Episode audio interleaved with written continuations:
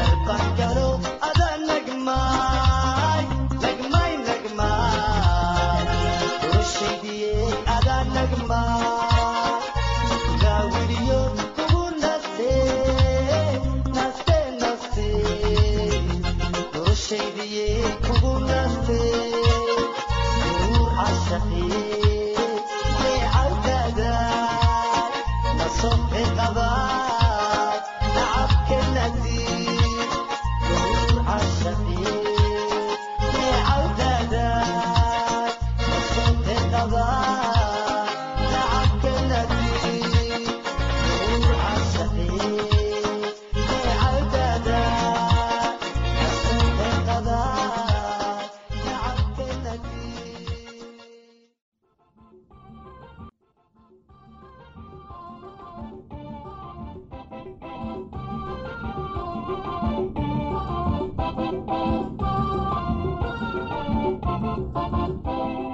Dhegeystayaasheena qiimaha iyo qadarinta mudanu waxaad ku soo dhowaataan barnaamijkeenii caafimaadka oon kaga hadlaynay la noolaanta dadka qaba aidiska mowduuciina maanta wuxuu ku saabsan yahay ka taxadiridda galmada.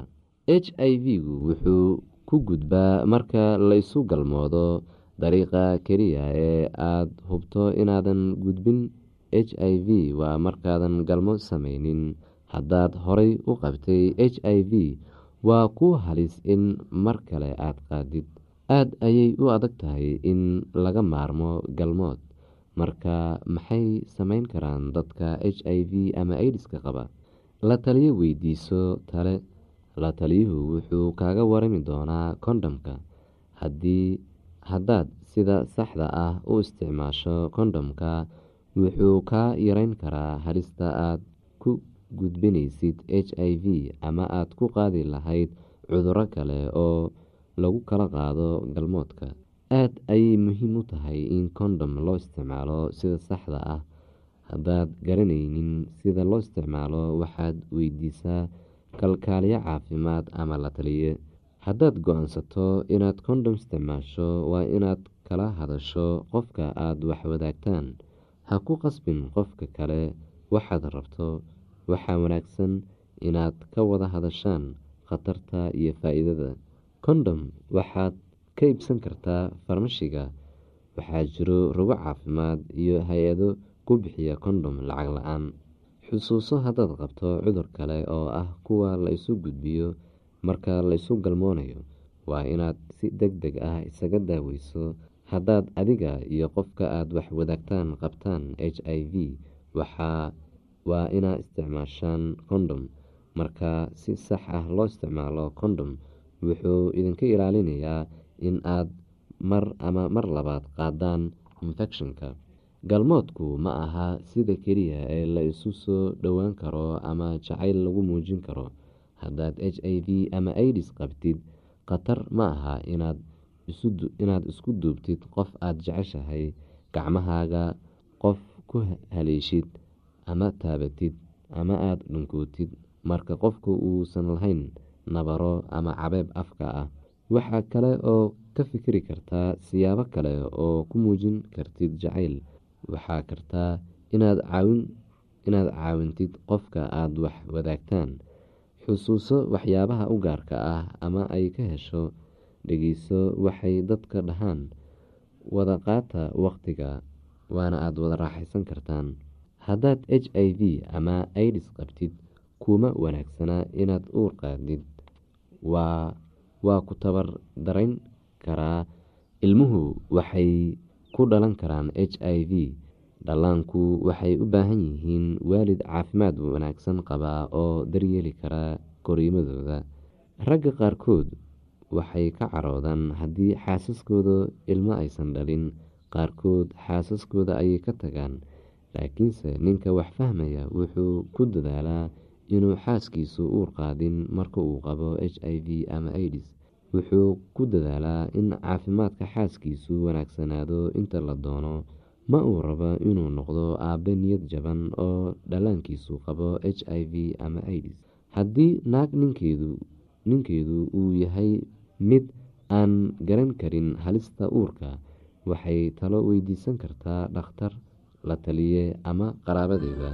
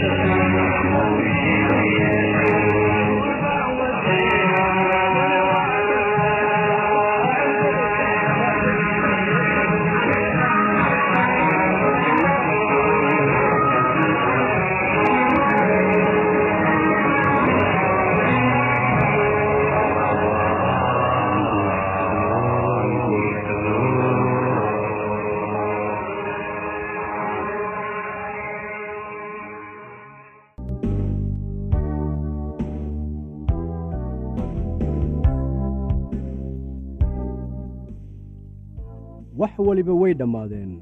Qofkii aad wada joogteen maanta waxa uu doonayaa inuu qof kale la joogo. Miinadii kol hore ayaa la riday oo ay qaraxday. Haddaba maxaad samayn? Shantan siyaabood keebaad dooran. Ta koowaad inaad jilbad jabsato oo aad tuugto qofkii aad wada joogteen oo aad weyddiiso inuu dib kugu soo laabto. Ta labaad inaad ballanqaadyo culculus samaysid oo aad u sheegtid qofka kale inaad noqonaysid sida uu kaa doonayo waxa aad ballan ku qaadaysaa inaad isbeddelaysid. Ama tan saddexaad waxaad iska dhigaysaa mid murugsan oo waad ilmaynaysaa si uu markaasi uu qofku kuugu naxariisto. Haddii ay taasi shaqayn weyso malaha markan waad baruuran oo oohin la ajligeed ayaa wejigaaga ku bararayaa laga yaabaa fikraddan afaraad inuu shaqeeyo haddii ay kuwii kale shaqayn waayeen. Waxa aad ku dhaaranaysaa inaad dabaq fuuli doonto oo aad halkaas iska soo tuuri doonto si aad u dhimato maadaama aanad haddeer nolosha qiimo u arkin. Kuuma muuqato wax faa'iido ah oo aad u sii noolaatid. Bal eeg fikraddan shanaad. Uga mahadnaq qofkii aad wada joogteen wakhtigii aad wada qaybsateen kadibna kala dhaqaaqa oo mid waliba guri gaar ah ha ku noolaado. Aalaa qofka la furay marka waxa uu dareemayaa xanuun oo caro la ajligeed ayaa waxa uu u horarayaa qofkii kale. Waxa uu sidaa u samaynayaa inuu ishilmaansiiyo xanuunka furitaanka. Adiga laftaada waxaa dhici karta inaad andacootid oo aad qofkii caysid oo aad tustid sida uu xayawaan ama nacas u ahaa markii ugu horraysay ee aad wada kulmayseen iyo siday u wanaagsanaan lahayd haddii aad iska furi lahayd waa hore. Waxaa jira wax qalbiga qofka ku jira laakiin marnaba uusan afka ka odhanaynin laakiin waxa uu ku haysanayaa maskaxda. Waxa uu is odhan karaa isaga weeye midka aan i doonaynin laakiin aniga weli waan doonayaa. Marka warku ku saabsan waxa aad adigu tahay faafo cid ku rabaysa ma jirto. Maadaama aad aniga diidday waxa aan isku taxallujinayaa inaan arko adiguna inaanay cid ku rabin. Mararka qaar ka aargoosashada noocan ah ayaa waxa ay u dhacdaa si cad oo weerar ah. Markii uu cumar furay sacdiya waxay ku tidhi isaga iyada oo qaylinaysa inaad sidan samayn weligay waan ogaa. Markii hore ayaan qalad sameeyey maba ahayn inaan ku guursado inaad qofka waxyeelaysaad jeceshahay sow ma ahan. Marar badan ayaad ii waxyeelaysay oo aan xitaa tiradoodu xusuusan laakiin marka aad ii dhammaysay wax walbaan ku siiyey oo wax walbaan kuu sameeyey bal haddana fiiri sidaad iila dhaqmaysid. Allah haddii aan sidaan ogaan lahaa markii horeba weligaa iima aad roonayn mararka qaar marka dareenka xiriirku kor ahaa qofka doonaya furniinka waxa uu ka helayaa qofkii kale jawaab ku salaysan goodin wax isdabamarin iyo xitaa dagaal. Hanjabaad ku saabsan inaad qofka sirtiisa sheegaysid ama aad daraag isticmaalid ku kici doontid ama aad isdili doontid ama waxaad odhan jumladooyin ad adag adiga oo doonaya inaad qofkaasi ku dheganaatid mararka qaar qofka la diiday wakhti yarba ha ahaatee waxa uu ku cararayaa inuu xiriir cusub la yeesho qof cusub si uu u soo gudo jacaylkii ka lumay. Iska ilaali inaad qof jeclaatid isla markii lagu furo. Xusuuso haddeer wax waliba oo aad samaysid adiga ayay dushaada tahay waxaana laga yaabaa inaad ku degdegtid xiriirkan. Maxaa wacay? Waxaad doonaysaa inaad buuxisid meeshii bannaanayd jacaylka noocaas ah kadib furniinka allah waa mid been ah oo muddo yar gudaheeda ku soo gebagabooba haddii aad ka naxaysid oo aad weli xurmo u haysid qofka bilaabay furniinka waxaa wanaagsan inaad qofkaasi wakhti siiso furniinka dabadii si uu uga fikiro oo bal u eego inuu wax qalad ah sameeyey intii aad xiriir cusub bilaabi lahayd. Wakhti ku filan sii oo ka bixi shakiga ku jira maskaxdiisa ama maskaxdeeda. Markaan isku day inaad wax wanaajisid waxa aad qofka kale u sheegtaa in isbarashadii aad isbarateen runtii ay aad ugu wanaagsanayd oo aanad fahamsanayn sababta ay u dhammaatay laakiin haddii ay sidaa dhacday aad u rajaynaysid farxad kaamil ah. U xaqiiji qofka inaad weligaa saaxiib la ahaanaysid. Markii wax waliba la yidhaahdo oo la sameeyo aqbal xaaladda oo u isticmaal sida kugu wanaagsan intii aad isku baabi'in lahayd.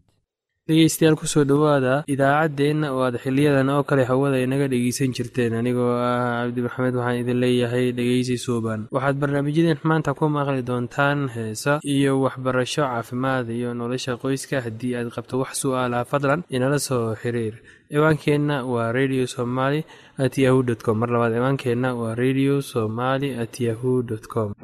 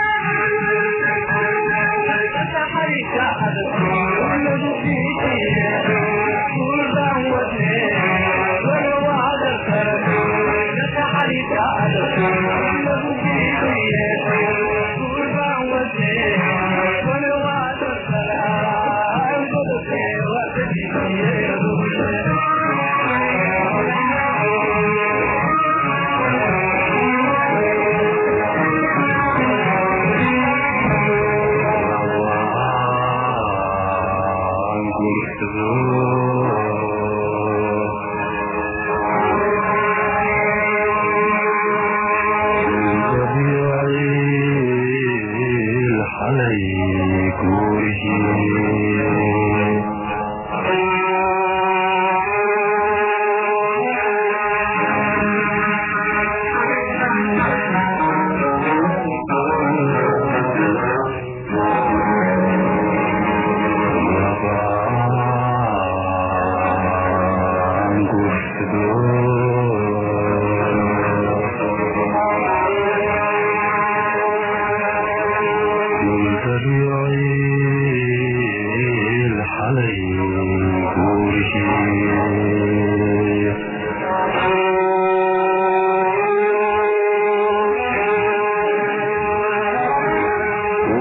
handawda ku hayaa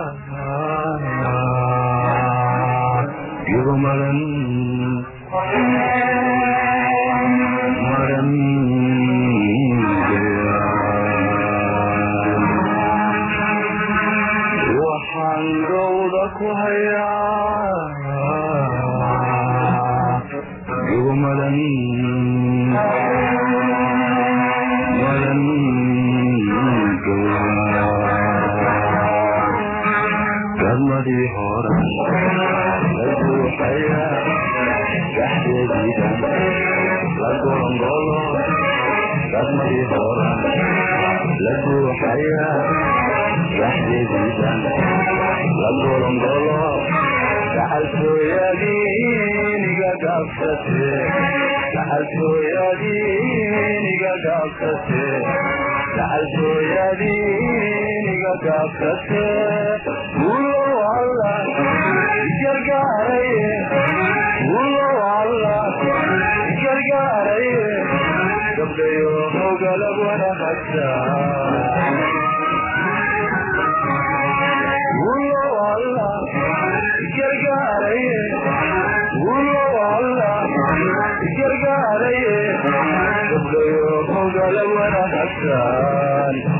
argabta waa gadiye argabta